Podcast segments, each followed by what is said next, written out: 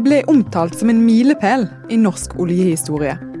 Gigantfeltet Johan Sverdrup var med på å holde motet oppe under oljenedturen. Kommer vi til å finne like store felt i framtiden? Eller blir Sverdrup den siste enorme utbyggingen på norsk sokkel? 382 meter langt og 122 meter bredt. Og et areal på tilnærmet seks fotballbaner. Jeg snakker om verdens desidert største løfteskip, som står her ute i Bømlafjorden utenfor Stord. Det var ingen liten operasjon som fant sted i juni i år. Sysla var på plass da boreplattformen til Sverdrup skulle løftes om bord på skipet Pioneering Spirit, og så fraktes videre ut til feltet.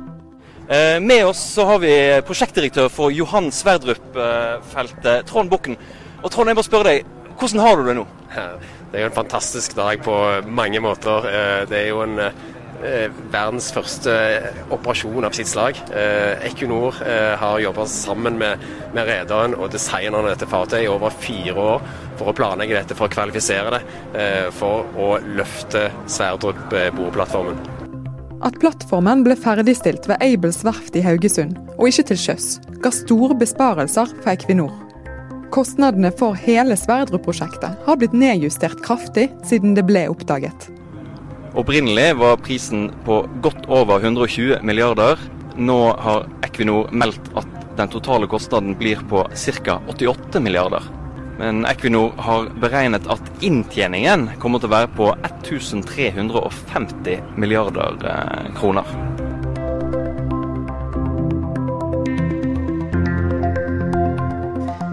Det skal handle om framtiden på norsk sokkel. Og med meg har jeg Lars Helle, sjefredaktør i Aftenbladet, og prorektor og professor i ressursøkonomi ved Norges handelshøyskole, Linda Nøstbakken.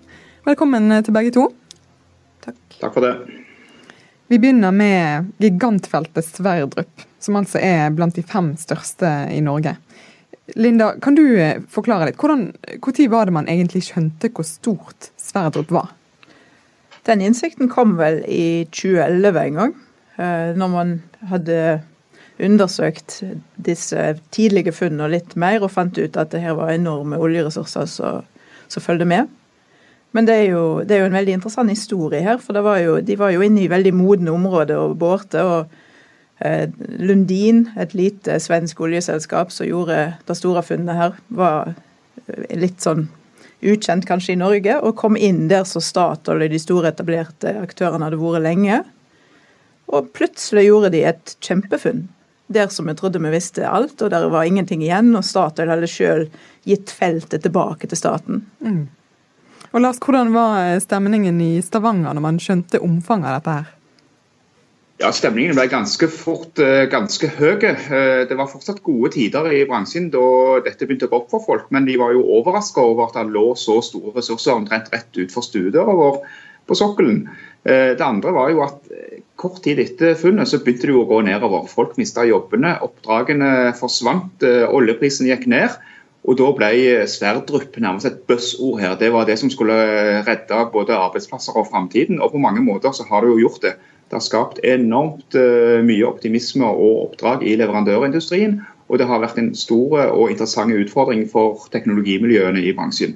Så på mange måter så har det å klamre seg til Sverdrup-utbyggingen eh, vært det som har holdt folk oppe i den litt vanskelige, vanskelige perioden vi har hatt, fram mot at oljeprisen nå begynner å gå opp igjen. Og det har skjedd en del siden man eh, oppdaget det. Altså Man har presset kostnadene en del ned. Ja, Kostnadene har jo eh, blitt pressa enormt mye ned. og Det har jo økt lønnsomheten der og gjort også appetitten på andre utbygginger mye mye større. Eh, det sies jo at, eh, at den produksjonsboringen som har skjedd så langt, har gått mye raskere, mer effektivt og mye billigere for seg enn det som var planlagt. Jeg tror de utgiftene til de brønnene de har bora har gått ned fra 18 til 11-12 milliarder kroner. Så Det forteller ganske mye om det som har skjedd. Mm. Og Linda, kan du fortelle litt om hva som er spådommene for dette feltet? Spådommene for feltet nå, Det er jo to utbyggingsfaser. og I første fase så nå er godt i gang. De begynner vel produksjon neste år, eh, slutten av neste år. Så skal de opp i 440 000 fat til dagen med produksjon. Og i neste fase skal de opp i 660 000 fat til dagen. Og Det er jo litt sånne rare tall for folk som ikke har helt oversikt over hvor mye vi produserer. Men i Norge i dag så ligger vi mellom 1,5 og 2 millioner fat til dagen. Så det er jo en voldsomt stor andel av dagens produksjon eh, som kommer fra dette ene nye feltet som vi ikke engang visste om for ti år siden det er jo veldig mye av produksjonen kommer ofte tidlig, når trykket i feltet er stort og alt det her, og så avtar det over tid. Men så de neste sånn 10-15 åra her, så vil det jo være en voldsom produksjon eh, som kommer fra dette feltet. Eh, Lars, du eh, nevnte denne jubelstemningen eh, i Stavanger. Hvordan tror du at det hadde sett ut om vi ikke hadde funnet Sverdrup? Da tror jeg folk hadde sett uh, mørkere på situasjonen, i alle fall i en lengre tid enn det de faktisk gjorde. Akkurat nå er det jo ting er ikke over, men det er jo mye mer letta situasjon, og det har jo Sverdrup mye av æren eller ansvaret for. Uh, hva, som, hva, vi skulle gjort her hvis vi ikke hadde hatt det, det er vanskelig, vanskelig å si. Det hadde selvfølgelig vært folk som hadde kommet i gang med andre ting, eh, satt sin lit til mer utvinning på andre felt og sånne ting. Men uh, det hadde vært dystrere, det hadde vært mørkere, og vi hadde vært uh, lang, lengre nede i dumpa, og det hadde tatt lengre tid å komme ut av den. Så det er ingen tvil om at den har hatt mye å si for for, eh, for, humøret i regionen her. Selv om det selvfølgelig er litt vanskelig å, å teoretisere litt om hva som ville skjedd hvis vi ikke hadde hatt Sverdrup. Eh, en oversikt fra Oljedirektoratet viser at eh, det er nettopp Sverdrup da, som blir trukket fram som i hvert fall en del av grunnen til at prognosene nå, i alle fall de neste årene, ser ganske bra ut. Og Linda nevnte jo her den enorme produksjonen som er ventet. Kan du si litt om hvordan det ville sett ut om ikke vi hadde et Sverdrup? Ja, Det ville òg vært litt annerledes. Men jeg tror nok at uh, vi hadde hatt en, uh, i alle fall i, i, i, den neste generasjonen, hadde hatt uh, nok å gjøre og nok av forekomster å, å behandle på sokkelen vår. Det, det tror jeg. Men uh, Sverdrup har gitt oss mulighet til å tenke litt lenger framover. sånn at den, den, har snudd litt opp ned på det. Vi hadde vært mye mer opptatt av utvinning av de allerede eksisterende feltene, som vi jo òg er, men, men, i enda større grad. da. Jeg jobbet som eh, boredekksarbeider på Ekofiskfeltet i 1981-82. Hvis noen hadde sagt at det skulle være liv og røre på Ekofisk i dag, så hadde jo eh, folk bare eh, ledd av dem. Men vi vet jo, det er jo et kjempeeksempel på at, at teknologi og, og, andre ting gjør at ting som hadde en ganske tidsbegrensa varighet den gangen, nærmest er blitt tidsubegrensa. Hvis vi ser eh, med et litt eh, mer overordnet blikk, hvor, hvor stor har leteaktiviteten vært på, på, norsk sokkel den siste tiden? Leteaktiviteten har jo vært forholdsvis høy til å være sammenlignet med norsk aktivitet tidligere, i si 2008 kanskje. Men så, så detter det jo ned de siste par åra, så har vært litt lavere. Eh, og så har vi jo heller ikke gjort de helt store funnene i senere år. Så, så, men jevn leteaktivitet, men ikke de store funnene. Uh, og det kunne nok òg vært høyere leteaktivitet de siste par årene enn det, det vi har sett. Det tror jeg nok uh, vi kan si, og i alle fall så har myndighetene ønska det. i alle fall Hvis du ser på uh, både dagens og hans energiminister og hans forgjengere, som har vært opptatt av å, ha en ganske intens virksomhet på den fronten. Og Oljedirektoratet sier jo òg at det ligger mye uoppdaga olje og gass på sokkelen. Ja, hvilke forventninger er det man har til det? Altså, hvilke områder er det man eh, har størst forventninger til? Det er jo Barentshavet som er det mest uutforska, mest uoppdaga området. Eh, så der eh, er det uten tvil, vil det uten tvil bli mye debatt framover om, om hvor langt vi skal gå når det gjelder det. Og så så vi jo òg at Sverdrup var et eksempel på at det finnes ting på nærmere og mer kontrollerbare eh, deler av sokkelen. Så, så eh, det er en god del å ta for seg av framover òg. Mm. Så er det jo å si at det, de regner jo med at vi ikke har funnet engang halvparten av de ressursene som ligger der ute. Og De nye funnene nå som kommer, de er jo typisk i Barentshavet. For det er der de har gjort minst undersøkelser tidligere. Så det er der de finner mest nye ressurser når de er ute og, og leter og undersøker. Så hvor stor er sannsynligheten da for at man finner et felt av Sverdrup-størrelse? Jeg er ikke geolog, eller, eller, sånne ting, så det ble jo ren gjetting. Men jeg kan godt tenke meg at det finnes et Sverdrup eller to, eller i alle fall ganske store felt fortsatt, som vi ikke vet så mye om. Ja, og så vil jeg jo bare for minne om at eh, når de fant Sverdrup, så var det jo ikke sånn at man regna med at det der lå et svært felt, som en sa, rett ut forbi stovedøra vår. Statoil gav jo ifra seg dette feltet, for de regna med det var ikke noe mer å hente. Og akkurat der så gjemte det seg jo enorme oljeressurser. Så det sier jo litt òg om hvor lite vi faktisk vet, sjøl der som vi har vært inne og, de har gjort mye arbeid. Hei, jeg heter Gerhard Flåten og er kollegaen til Sigrid i Sysla. Jeg skal bare helt kjapt be dem å gjøre to ting. Først, åpner du nettleseren din og skriv syslalive.no i adressefeltet. syslalive.no. Når du har lest deg opp og meldt deg på der, gjenstår det bare å åpne kalenderen og sette av tirsdag 18.9. Da skal jeg nemlig intervjue noen av verdens aller fremste eksperter på autonome skip. Det skjer på scenen i Grieghallen i Bergen. Hva er det egentlig som er mulig å få til på dette feltet? Og hvem er det som leder kappløpet? Det er noe av det du får svar på når vi igjen tar journalistikken til scenen under Sysla Live Ocean 2018. Les mer på syslalive.no, og så ses vi i september. Denne oversikten fra Oljedirektoratet som jeg nevnte tidligere, den eh, viser at gjennomsnittlig funnstørrelse har krympet dramatisk siden oljeeventyret startet her i Norge. Siden 1990 er det kun snakk om en håndfull ganger der funnet har vært større enn utvinningen. Så hva vil da skje om Sverdrup faktisk er det siste store feltet som vi finner? Altså, Hva betyr det for oljenæringen? Det betyr at oljenæringen må omstille seg og se etter, etter, andre ting å holde på med. Men jeg tror ikke det er akkurat det som er den største utfordringen akkurat nå. I det, si, den eh, debatten vi har nå, så er det jo andre ting som kan, som kan eh, føre til at slutt på oljen, oljenæringen er en mangel på funn.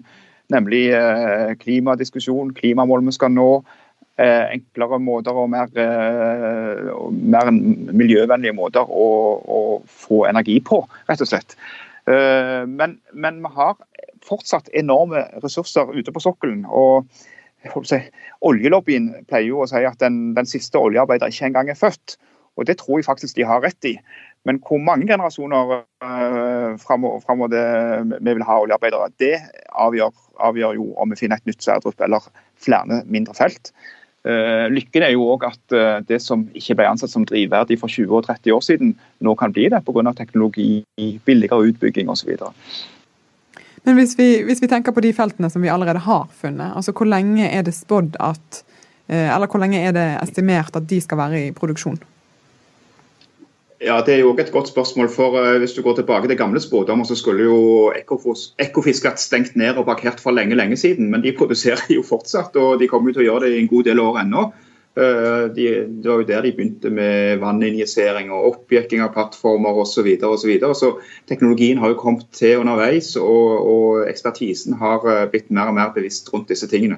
Så jeg mener det er ganske vanskelig å anslå. Både, særlig når vi ser at både Ekofisk og Statfjord og de gamle Eh, pengemaskinen for Norge fortsatt er i aktivitet og produserer så mye. Tilbake til eh, disse klimaforpliktelsene du nevnte, Lars. I, i hvor stor grad blir de hensynstatt? Det som jeg kan si der, så Norske oljeselskap, operatørene på sokkel, betaler veldig høye klimaavgifter i Norge. Så, og det har jo tvinga de til å bli til å kutte CO2-avgiftene sine mye i forhold til andre aktører i andre land. Ehm, når det er sagt, så er det jo fortsatt veldig vanskelig å argumentere for at olje, oljeutvinning er en ren eh, teknologi og en ren aktivitet. Så det er jo helt opplagt at det da ligger der og skulle si, truer aktørene, og det truer vel òg den norske oljeframtida. Og hva som skjer på klimasida, og hvor mye vi skal gjøre i Norge.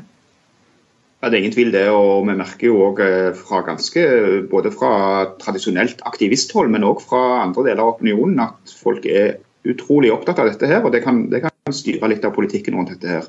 Og, og Klimaavgiftene er jo også så høye at det må jo også inn, og er inne i lønnsomhetsvurderingene til, til de store oljeselskapene. Og En annen ting som spiller inn her, er jo sånn type klimarisiko. Når verden, Hvis verden tar store grep og klarer å koordinere seg og, og, vil gjøre noe for å kutte globale utslipp for å nå disse forpliktelsene så de, eller nå disse målene de har, så, så kan jo det slå ut og, og, og, få store konsekvenser for si oljenæringa. Og det andre er jo ny teknologi. Det er jo et voldsomt press nå, og mye som skjer på teknologisida for å finne alternativ til fossile drivstoff. Og her òg kan det jo skje store ting som plutselig gjør at olje ikke lenger er så mye verdt.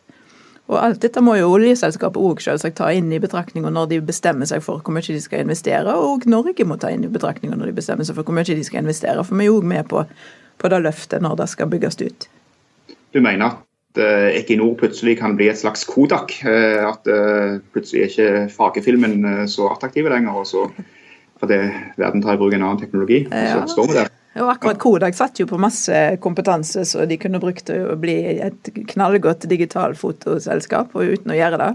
Og kanskje ser vi at oljeselskap og energiselskap nå utvikler seg til å bli mer energiselskap. Og så er det store spørsmålet da om sitter de da på teknologi eller, og kompetanse som gjør at de har en, en edge i det markedet. Det er jo ikke sikkert. Nei, Det er ikke sikkert, men det er jo, det er jo hovedgrunnen til at Statoil skifta navn. Nettopp at de har lyst til å profilere seg på det, i alle fall. Men når vi i realiteten klarer det, det er jo en annen, en annen ting. Lars, du får eh, siste ord eh, med det. Tusen takk for at dere eh, var med, begge to. Selv takk. Takk i like måte. Og tusen takk for at du hørte på denne episoden av Det vi lever av. Vi blir veldig glade om du gir oss en anmeldelse i podkastappen din. Og om du har innspill til temaer som vi bør eh, ta opp, så kan du sende en mail til sigrid.haaland med dobbel a at sysla.no. Produsent for denne podkasten var Henrik Svanevik. Jeg heter Sigrid Haaland, og vi er tilbake om en uke.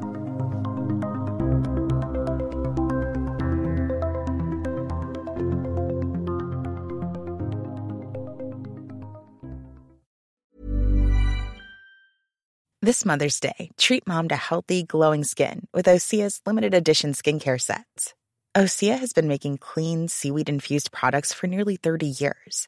Their advanced eye care duo brightens and firms skin around your eyes, while the Golden Glow Body Trio nourishes and smooths skin all over. Go to OSEAMalibu.com and use code MOM for 10% off your first order site wide.